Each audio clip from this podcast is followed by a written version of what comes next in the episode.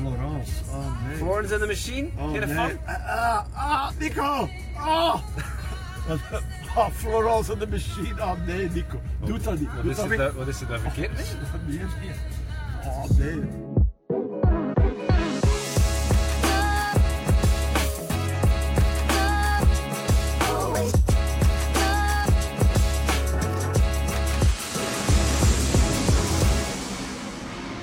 Dag allemaal, welkom bij een nieuw seizoen van Terugvlucht. De Champions League ervaring behind the scenes, achter de schermen, die krijgt u hier. En waar kunnen we dan beter beginnen dan in Jan Breidel?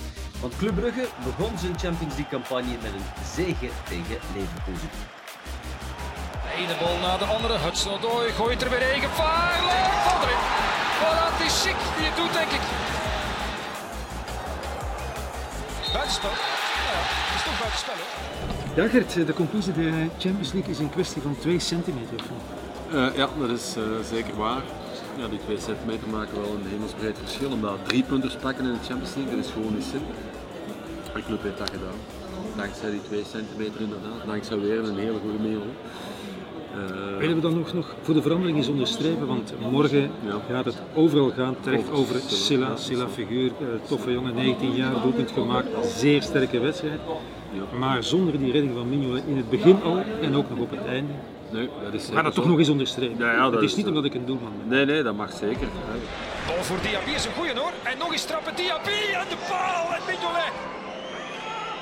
Het is toch Losek die trapt. En Mignolet moet hem toch pakken. Verrassend hoor. Mignolet er goed bij. Eén kan volstaan. Met Skof Olsen. Verlengt, ja. Hij de goal. Ook dat doet hij. Ook dat doet hij. Ineens is het 1-0 voor Club Brugge. Moet Club Brugge nu al een beetje ambitieuzer worden of kalm blijven? Ja, kalm blijven. Dat, volgens- De les van vorig jaar in het Ja, natuurlijk. Nee, dat, eh, dat betekent niks. Je maakt één goal, maar dat is de flater van, van, Ja. van hun keeper. Voor de rest heb je ook niks zelf gecreëerd. hè. Geen enkele Dus, eh, kans eigenlijk. Voilà. Dus, eh, Zo is het. Voilà. Volgende keer weer Porto tegen Club Brugge. Frankie van der Elst, waar zijn we hier? We zijn eh, in Glasgow. En, eh, we gaan nu vertrekken naar de wedstrijd Ja. eh, Celtic Real. Wij zijn hier nog nooit geweest. Jij wel, dus jij gaat ons rondleiden vandaag. als je me volgt, gaat het helemaal goed komen.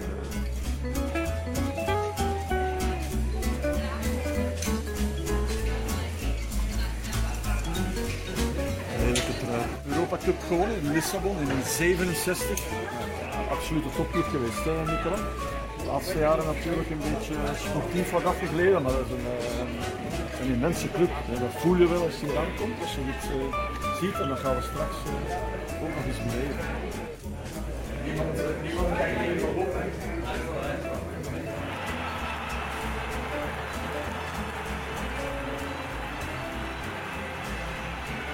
Frankie, eh, Real Madrid heeft met 0-3 gewonnen op bezoek bij Celtic. Eh, maar de sfeer waar jij me over had verteld vooraf, het was weer indrukwekkend. Ja, daar hebben we zeker wel eh, voor een groot stuk gezien. Hè. Eh, begin van de wedstrijd was goed van eh, Celtic. En dan gaat dat publiek daar volledig in mee. En vooral, Frankie, you'll never walk alone. Liverpool is indrukwekkend. Maar vandaag heb ik heb gewoon gezwegen, Frankie. Ja, maar dit is mooi. Dit is, ze beginnen eerst met een clublied, wat indrukwekkend is. En dan onmiddellijk You Never Walk Alone daarachter. Ja, 60.000 sjaals zie je, denk ik. Eh, het is immens. Eh, iedereen eh, zingt mee. Het is een held, het is, het is sluit, want, het geluid blijft ongelooflijk hangen in het geweldige stadion. Dus dat is, ja, dat is gewoon, ik zou, overdrijven. Of misschien overdrijf ik als ik zeg, dat alleen al is de, is de verplaatsing waard.